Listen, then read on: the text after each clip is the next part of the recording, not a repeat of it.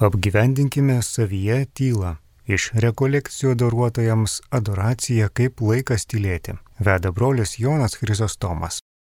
Čia reikėtų iš tikrųjų apie tylą kalbėti labai ilgai ir, ir tai neiškalbėtum. Geriausia yra apie tylą tylėti, patiriant savo kailių, kas tai yra.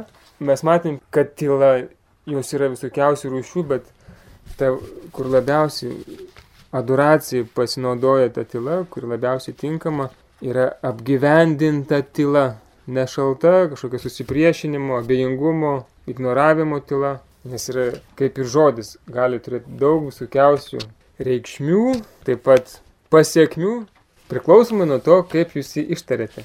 Galite sakyti, aš tave myliu, žmogui bus aišku, kad ta meilė kažkas ne taip, ne taip jau ir myli, gal galite ištarti abejingai, galite patį žodį ištarti ir su meilė. Tai kai kalbam apie tylą irgi yra visokiausių reikšmių, galima iš tylos padaryti baisiausią kankinimo priemonę, būna, žinot, ne, tylė. Žmona, pavyzdžiui, tris savaitės su vyru nekalba arba vyras tyli. Gali būti tikrai labai sunkiai pakeliama tokia tyla. Arba iššaukitės Dievo ir jis atrodo, kad tyliai neatsako. Gali būti labai skausminga. Ir matome šventajame rašte, kad tai gali sukelti didelį skausmą, išmėginimą. Lekcijų 9 šventą rašto skaitimas grupelėje.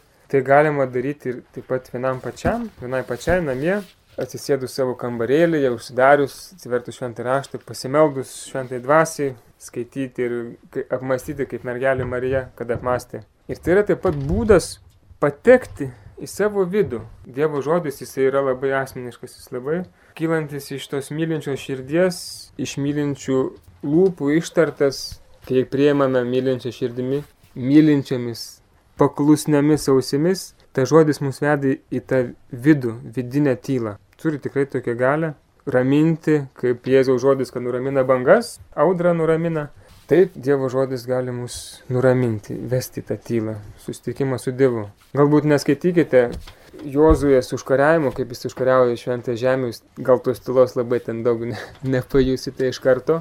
Dievo žodis daug turi simbolikos ir negalime jo skaityti kaip žurnalo, kur skaitome kasdieninės naujienas, kažkokius pasakojimus apie baisus įvykius. Galbūt pradžioj pasimkite šventų raštų vietas, kurios ramina, nuramina tas audras. Tai geriausiai nuo Evangelijų pradėti. Jėzus kartais ten paplaka fariziejus, bet paskui paglosti, priglaudžia avelį prie savęs, nešant ant pečių tėvo namus. Dievo žodis šiuo atveju yra kaip tam tikras tos vidinės maldos palydėjimas, nes ne, vienas, ne viena iš jūsų turi tokią patirtį, atinat į adoraciją. Pirmos dvi minutės aš Jėzaus su tavimi, paskui neaišku, kur mintis nukeliauja. Tai Dievo žodis, jisai turi tokią malonę man padėti susikaupti, būti čia su Kristumi per adoraciją. Jis mane tarsi palydi, kad nenutolčiau nuo, nuo savo vidaus. Šventas Augustinas sako, Dieve, aš tavęs ieškojau kažkur tai išorėje, kažkur toli nuo savęs, bet tu buvai mano viduje, o aš buvau išorėje. O jeigu mes nesusitinkame su Dievu, tai ne, čia ne Dievo problema, jis vis laik yra mūsų širdyje. Širdies gilumoje, intimiausioje tokia vietoje. Tik mes esame per mintis, per vaizduotę, per visokius išsiblaškimus kažkur tai nukeliavę į Kaukazą ar į Meksiką, priklausomai nuo to, kur jūs mėgstate keliauti ar veikti. Jeigu jaučiat per maldą, pavyzdžiui, adoracijos kuplyčioje, kad esate apimti kažkokio tai triukšmo vidinio, kažkokių svajonių, tokio bursdėsio, svajų, tokių svaičiojimų arba prisiminimų, atsiverskite šventą raštą. Jau pats skaitimas jau, jau, jau sutelkia mintis čia ir dabar Nežinau, kad Dievo negalim niekur surasti tik tais tikrovėje, tik tais čia ir dabar. Dievas nėra nei praeitie kažkur tai prisiminimuose, nei svajonėse ateityje, nes tai yra virtualu. Prasme, protas jisai su atminties vaizduotės pagalba sugeba tikrovės perėti į virtualią tikrovę. Ir kompiuteris, internetas labai labai tą sugebėjimą dar netgi išplečia ir sustiprina. Bet Dievas yra, nu tikrovė, jis yra tikrovė, tai aš galiu patirti čia ir dabar. Susitikęs su asmeniu čia ir dabar. Tai va Dievo žodis mus suvienyje, padeda atsiverti Dievui. Bet reikia tylaus ir atkaklaus, kaip to švento rašto skaitimo.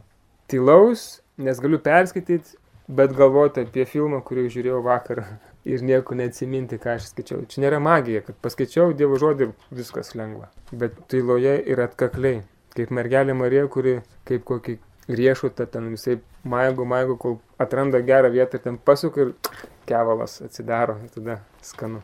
Tada žodis duoda skonio, duoda maisto ir mus pradžiugina. Taigi Evangelijos leidžia žmogui atsistotis Jėzaus, jo gyvenimo, jo išgyvenimo, jo mokymo akivaizdoje. Nes jis Evangelija man kalba apie Jėzų.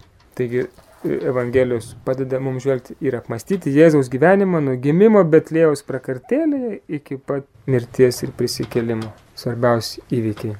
Matote, toksai čia ir ignaciškas būdas įsivaizduoti tos įvykius.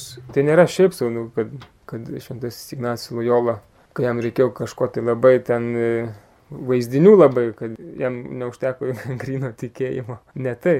Čia yra tokia, sakyčiau, realizmas žmogaus, kuris sako, jeigu aš savo vaizduotis neįkinkysiu, tai mane kažkur nu, nugabens ne ten, kur reikia. Tai jeigu vaizduoti aš sugebu įtraukti šventų raštų tekstų apmąstymą, įsivaizduoti, kaip ten Jėzus galėjo išvarinėti tuos priekeivius iš šventyklos, man tai padeda susikaupti ties tuo, ką aš skaitau. Ties maldos slėpiniu, kurį apmastau, stengiuosi melstis.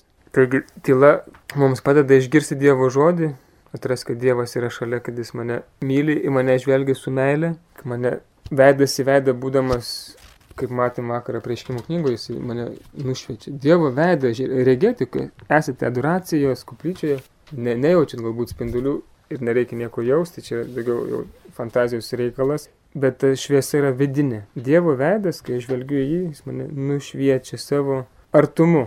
Ko Jėzau, tu esi čia, nematau tavęs, bet tu esi čia, jaučiu, kad tu mane myli, mane vedi, mane mokyk, kalbėk man. Dievu, Dievas dažnai atsako mums per Dievo žodį, per savo žodį. Svarbu, kai jūs kalbate su Dievu, klausytis, ką jis jums sako, nes kartais tas atverstas tekstas, jis mums prakalba čia ir dabar, lyg jis būtų parašytas man asmeniškai. Tai vas tenkimės tyloje priimti Dievo žodį, jis mus veda į tylą, į susitikimą su Dievu.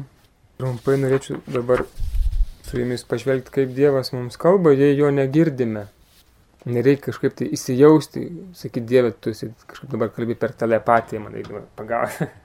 Nereikia nieko labai stengtis, ta prasme, įeiti kažkokį tai tranzą, kažkokią pasąmonės lauką, kur jūs ten pradėsit gaudyti kažkokius tai garsus ir, ir mintis. Šiaip tie dalykai yra, gali būti ir pavojingi, nes ten į, į tuos laukus įeina ir ne tik šventoji dvasia šventas raštas. Aš jo negirdžiu, bet jis man kalba, kaip ką tik ir kalbėjome. Kalbant apie Dievą, Dievo kalbėjimą, kai jo negirdime, nu, vėl tas pats tyla mums sako, kad ta tokia tyla, kur aš negirdžiu, kad Dievas man sako, kaip jis man atsako, kad tai nėra kažkoks tai žodžių nebuvimas, žodžių kažkoks tai ištrėmimas, žodžių negirdėjimas. Iš tikrųjų, tyla, apie kurią aš čia kalbu, yra tyla vienintelio žodžio tyla. Žodžio iš didžiosios raidės. Dievas, sunus tapęs žmogumi, Dievo žodis tampa kūnu ir jisai tą tylą turi pripildyti. Tyla tai vienintelio žodžio meilė iš tikrųjų yra. Vienintelio žodžio meilė. Visų kitų žodžių nereikia. Visi kiti žodžiai yra jo per daug, perviršius, nereikalingi, jie tik tais mane blaško. Įsileiskite tylą tik vienintelį žodį Jėzų. Ir šia prasme Dievas man kalba per sako šventasis kryžiaus Jonas, kad Dievas viską man yra pasakęs per savo sūnų. Nebus jokio kito prieiškimo, nesitikėkit jokių kitų apokalipsių, nieko daugiau nebus apreikšta, nes Dievas viską pasakė per savo sūnų. Nereikia jokių kitų mokytojų, jokių kitų pranašų, nieko. Viskas Dievo yra pasakyta per jo sūnų, žodį tapusi kūnu.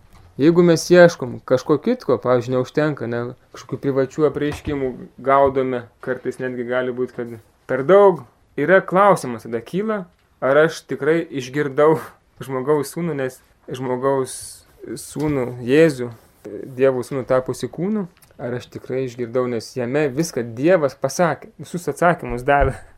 tai reikia jame išgirsti.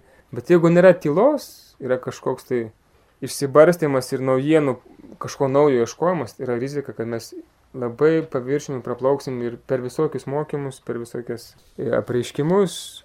Jeigu yra bažnyčios patvirtinti apreiškimai, gali skaityti, bet, pavyzdžiui, netgi ir kad ir oficialiai pripažinti apreiškimai, jie nieko neprideda prie mūsų tikėjimo. Marija, Liurdė, nu taip, sako, aš esu nekaltas prasidėjimas, ten prašo kažko, perdoda ne, vaikams kažkokią žinę, bet žiūrint griežtąją prasme, jinai nieko kažko naujos evangelijos neduoda, naujo kažkokio tai mokymo neduoda, bet visą laiką sako, eikit pas Jėzų, greškitės į pasninką, aukite, atsiverskite, melskitės, kaip Evangelija sako, melskitės ir būdėkite.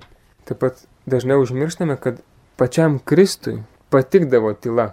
Jis dažnai, jis nepabėgdavo nuo žmonių, ne, neatsiskirdavo nuo, nuo pasaulio, bet jam patikdavo eiti dykumą, kad ten tyloje susitiktų su savo tėvu, bendrautų su juo. Jisai naktis praleisdavo melsdamasis. Taigi, kaip Dievas mums kalba, jo negirdime per savo žodį, per savo sūnų, per širdį, per tylą, per susitikimą, meilį susitikimą su juo.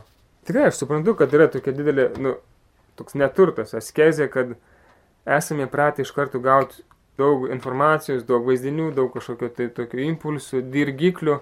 Ir kai atsidūrėme tyloje, viso to nebėra, yra tikrai sunku sakyti, kaip dabar telefoną negaliu pasiimti, kažkokių jausmelių nėra. Taip, yra, yra askezė, yra, yra svarbu nepasiduoti pirmam įspūdžiui ir sakyti, palauk, aš vis tiek būsiu Jėzaus su tavimi, tas penkias minutės, kurias nusprendžiau, nepabėgsiu, va, išbūsiu tyloje. Žinokit, Dievas apdovanoja tas pastangas, po truputėlį tas susitikimas įvyksta ir Dievas laukia mūsų. Ir kitas dalykas, dar norėčiau trumpai pakalbėti į ką veda tyla. Prasme, slėpinio, į, nu, į slėpinį veda į tam tikrą sakralumą. Užsiminiau, kad gali būti pagunda mėginti suprasti visą, ką mes švenčiame, pavyzdžiui, per mišes, per, nu, ką mes tikime, tarsi, nu, protas būtų pajėgus viską suprasti. Koks Dievas būtų mažas, jeigu mes jį suprastumėm iki galo. Neįmanoma Dievą suprasti. Visam žinybė mes neišsemsim to Dievo slėpinio Ir ačiū Dievui, nes kitaip amžinybė būtų nelabai linksma. O čia bus atradimas po atradimo, aikčiojimas po aikčiojimo, sakysim, Dievui, a, koks nuostabus, kaip nuostabus, kokia gili, kokia gili tiesa, kokia, kokia meilė. Nu, ir vis giliau ir giliau mes jį pažinsime. Bet tyla taip pat mums padeda atrasti, kad tas Dievas, kurį aš garbinu, nu jis nėra mano draugelis. Kažkoks, kur aš tačiai suprantu, galiu paaiškinti, bet atrandu, kad jis yra man artimas, yra gailestingumas, meilė, bet tuo pačiu jis išlieka ir visiškai kitoks.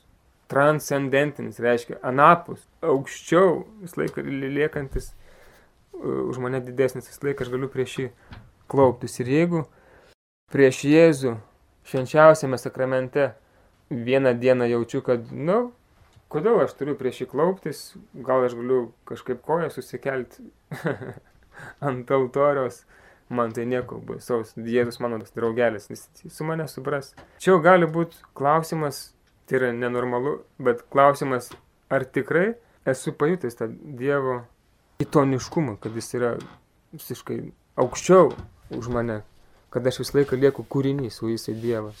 Ir čia yra ryškiai ženklas, kad, nu, nežinau, kas yra tyla, nes tyla mane veda į tą tokį pagarbų, mylinti, bet pagarbų Dievo pajautimą. Tikrai Dievas įsiliepia laikyti sakralios adoracijos tylos, nes mums tai yra išganinga. Kitaip Jėzus susisuka bizūną ir išvaro jaučius, savis, išvartų pinigų, keitėjų pinigus, nes padarome iš savo sielos dvasių šventovės prekybos namus. Be tylos, anksčiau ar vėliau mes į savo vidinę šventovę prisigabensim jaučių, avių ir netgi dar baisiau, galbūt kažkokių įstabų. Ir imsim garbinti ne Dievą, bet stabą. Jėzus to ne, negali pakesti. Jo didžiausias pyktis, kad save pasmerkiam tokiai vat vergystiai. Stabams tarnaujame. Tai va ir tas labai svarbu neatsisakyti adoracijos tylos, nemėginti kažkaip užpildyti kažkuo kitu, bet leisti tylai per tylą Dievui mus pagauti savo meilę, savo artumu prašykim tikrai šventos tokios Dievo baimės, mylinčius. Kaip sužadėtinė, kuri, arba sutuoktinė, kuri nenorėdama įskaudinti savo mylimojo, tokį pagarbą išlaiko, sako, ne, aš, aš to nedarysiu, pagarbiaus baimės, kad neįskaudinčiau. Kaip ir sunus, kuris gali stengtis neįskaudinti tėvo dėl to, kad paskui gaus diržų per užpakalį, tokia daugiau vergiška baimė, bet sunus, kuris nenori skaudinti tėvo dėl to, kad tėvą tai skaudins, kad jo meilė sužeis. Tokia sūniška, sakyčiau, baimė, jinai yra reikalinga, šventa. Ir tai mums padeda džiugiai atsiverti Dievui. Mums tai padeda išsilaisvinti iš tokios arogantiškos laikysenos, tokios, aš čia, žodžiu, beveik Dievas, ką aš turiu dabar lankstytis prieš kažkokį tai sakramentą. Jo sakrali baimė, šventa baimė mane atveria tam džiugiam tokiam išsilaisvinimui nuo arogantiškumo. Dievas nėra mano visų vaikiškų kaprizų išpildytojas. Aš pasimeldžiau, jis ne, neišklausė, sakau, viskas Dieve, aš nebesimelsiu, ne, nebeisiu adoracijai. Tu manęs negirdi, ką man reikia tavęs. Vaikiški kaprizai. Dievas nesileidžia būti mūsų, kaip sakant, pavergiamas. Prisiminkit, Jėzus padaugina duoną, žmonės sako, o, geras kasnelis, dabar mes jį paskelbsim karalium, jis mums kasdien keps bandelės ir jis bus mūsų, mūsų karalius. Duonkepys ar piragų kepėjas, kaip jūs norit. Jėzus iš karto susikrauna čimodaną ir bėga į kalnus, pabėga nuo mokinių, nuo, visų, nuo visos minios. Jeigu mes sakom dabar aš išmoksiu tyloje viešpatį tave prisijaukinti, kad tu būtų mano gerasis džinas, kuris išpildys visus mano troškimus, Jėzus pasikeičia šventą dvasį ir išskrenda toli. Ne. Tyla dovanai be jokio paslėpto tokio noro, kad Jėzus kažkaip mane geriau išklausytų. Jėzau, jeigu tu mane atsakysi, aš vis tiek pasilieku maldoje tu esi Dievas, aš ne, negaliu tavęs visiškai suprasti iki galo. Yra paslaptis mūsų santykėje, kur aš galbūt suprasiu tik amžinybėje. Vienas kartūzas yra pasakęs, mes tylime, nu, tu prasme, ten yra tokie labai kontemplatyvus, už, uždari vienuoliai, užsidarė nuo pasaulio, bet meldžiasi už pasaulį.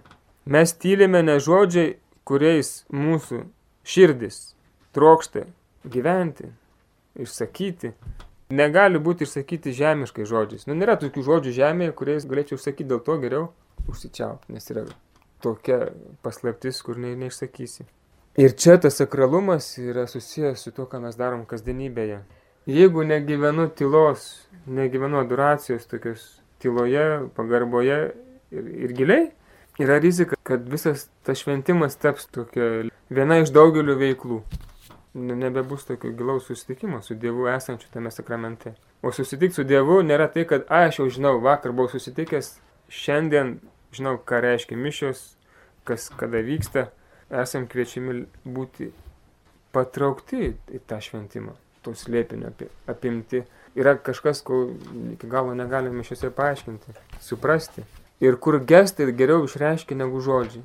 Labai svarbu yra per mišes stebėti, pavyzdžiui, gestai atsiklaupimas, kas čia vyksta, kodėl čia klaupiasi, čia kažkas yra sakralaus. Jeigu, pavyzdžiui, nustojom klauptis prieš švenčiausią sakramentą, nekalbu, kad vaikams yra nebeaišku, ar čia labai svarbus dalykas ar ne, bet ir mums patiems, kai kūnas nebedalyvauja tame šventime, rizikuoja ir siela, ir dvasia taip pat nebedalyvauti taip, kaip turėtų dalyvauti. Ir tie tylos momentai per mišes, per liturginį šventimą yra labai svarbus. Pabaigai Kaip tyla veda mus į savęs dovanojimas Dievui, artimui. Būtent susijus su adoracija ir tas pašaukimo kelias, savęs dovanojimas Dievui kelias. Popiežius Pranciškus, kai buvo atvažiavęs į Lietuvą, kalbėjo irgi apie daug dalykų, bet taip pat ir apie adoraciją. Nežinau, jūs turėsite dar tikriausiai progą paskaityti jo kalbas. Pavyzdžiui, ypač kai buvo susitikimas su kunigais, vienuoliais, pašvestaisiais. Tarp daugelio ten visokiausių tų bruožų, susijusi su viltimi, jisai paminėjo tarp kitų dalykų, kad yra svarbu tarp nuolatinių pastangų. Jokia betarpiška informacija, jokia virtuali komunikacija negali pakeisti mūsų poreikio konkretiems, ilgesniems ir pastoviems momentams, kurie yra skirti kasdieniam dialogui su viešpačiu per maldą ir adoraciją. Jis kalba tiesiog apie adoraciją. Tos visus momentus, kuris kalba apie adoraciją, pasibraukit, pamastykit, tikrai yra labai gilus. Keletą iš jų dar paminėsiu. Ir jis kalbėdamas apie, apie viltį ir apie tą viltį, kurią palaiko Dievo garbinimas, sako, kad tai mums padeda iš, išgirsti taip pat ir šalia esančiojo šauksmą. Dievo balsų klausimasis maldoje mus įgalina pamatyti, išgirsti, pažinti kitus skausmą. Dievo balsų klausimas maldoje, tyloje. Jeigu man trūksta jautrumo artimui, gal dėl to, kad trūksta ir Dievo balsui įsiklausimo. Jisai toliau sako, šauksmas, verčiantis mus ieškoti Dievo maldoje ir adoracijoje yra tas pats, kuris mus daro jautrius mūsų brolių bei seserų skundui. Žodžiu, tai yra susiję. Jeigu einu link Dievo, ta tyla mane ves taip pat ir didesnį jautrumą, įsiklausimą ir, ir aplinkinių šauksmai. Gali būti, kad dažnai visuomenė yra tokia, kur čia, kaip čia, apkurtusi tam vargšo šauksmui, nes, nes nebegirdi. Yra tiek triukšmo, kad tas mažas balselis, gelbėkit, jo nebeišgirstame, nes ir Dievo beldimo nebeišgirstame. Tikrai tas perteklius informacijos ir triukšmo nepadeda netgi tam artimo išgirdimui. Čia kenčia, čia kenčia informacijos tiek tiek yra kenčiančių pasaulyje, kad ir tų pabėgėlių ir visokių karų aukų, kad taip tampa normalių dalykų. Tu nebejaudini, nu, kažkur sprogo, ten kažkas sudegė. Nu, būna. Būna, ten kitam pasaulio gale dar blogiau. Ir galbūt šalia esančiam taip pat ausis yra kurčios. Popiežius klausia, nu, bet kaip tą gailestingumą išsiugdyti, ne? Tokia, man labai patinka šitas jo sakinys. Ir tuo pabaigsiu. Jis kalba apie artumą Dievui ir žmonėms, tai sako, artumas jums taip pat reiškia turėti gailestingumo išties, čia jis kunigams kalba, ir vienuoliams, vienuoliams gailestingumo išties reikia ir vyrams, ir moteriams turėti. O jis paskui klausia, o gailestingumo išties žinote, kur gaunamos? Ir atsako, tabernakulyje. Kas vyksta per adoraciją, reiškia, mumise viešpas augina gailestingumo išties savo artimui, taip pat artimiesiems ir šalia kenčiantiems visiškai pabaigai vėl cituosiu vieną kartūzą, šiuo atveju jis jau yra žinomas, jis jau pasisakė, kas toks yra tėvas Gijerandas. Gyvenimas tai kelios minutės praleistos drauge belaukiant didžiojo ir galutinio susibūrimo tėvynėje, kurioje yra tik vienintelė minutė, tačiau amžina minutė. O mes galėtume truputį pasitreniravę ją pradėti gyventi jau nuo dabar per tylą ir vienumą. Žodžiu, tai, ką jūs gyvenate per adoraciją jūs jau ruošiatės išgyventi amžinai tėvynė ir jau tai yra toks pasiruošimas, geriausios treniruotės dangui, adoracija. Šitoje žemėje, šitam gyvenime mes niekada nepasieksim Dievo. Tu prasme, Dievas nuolat visada yra didesnis, aukštesnis, jis niekada netaps mums visiškai pažinus. Ir visgi niekas geriau negali palydėti mūsų žemiškos kelionės link Dievo, kaip ta tokia mylinti tyla, mylinti vienuma Dievo artume. Brolis Jonas Chrizostomas iš rekolekcijų daruotojams adoracija kaip laikas tylėti. Apgyvendinkime savyje tylą.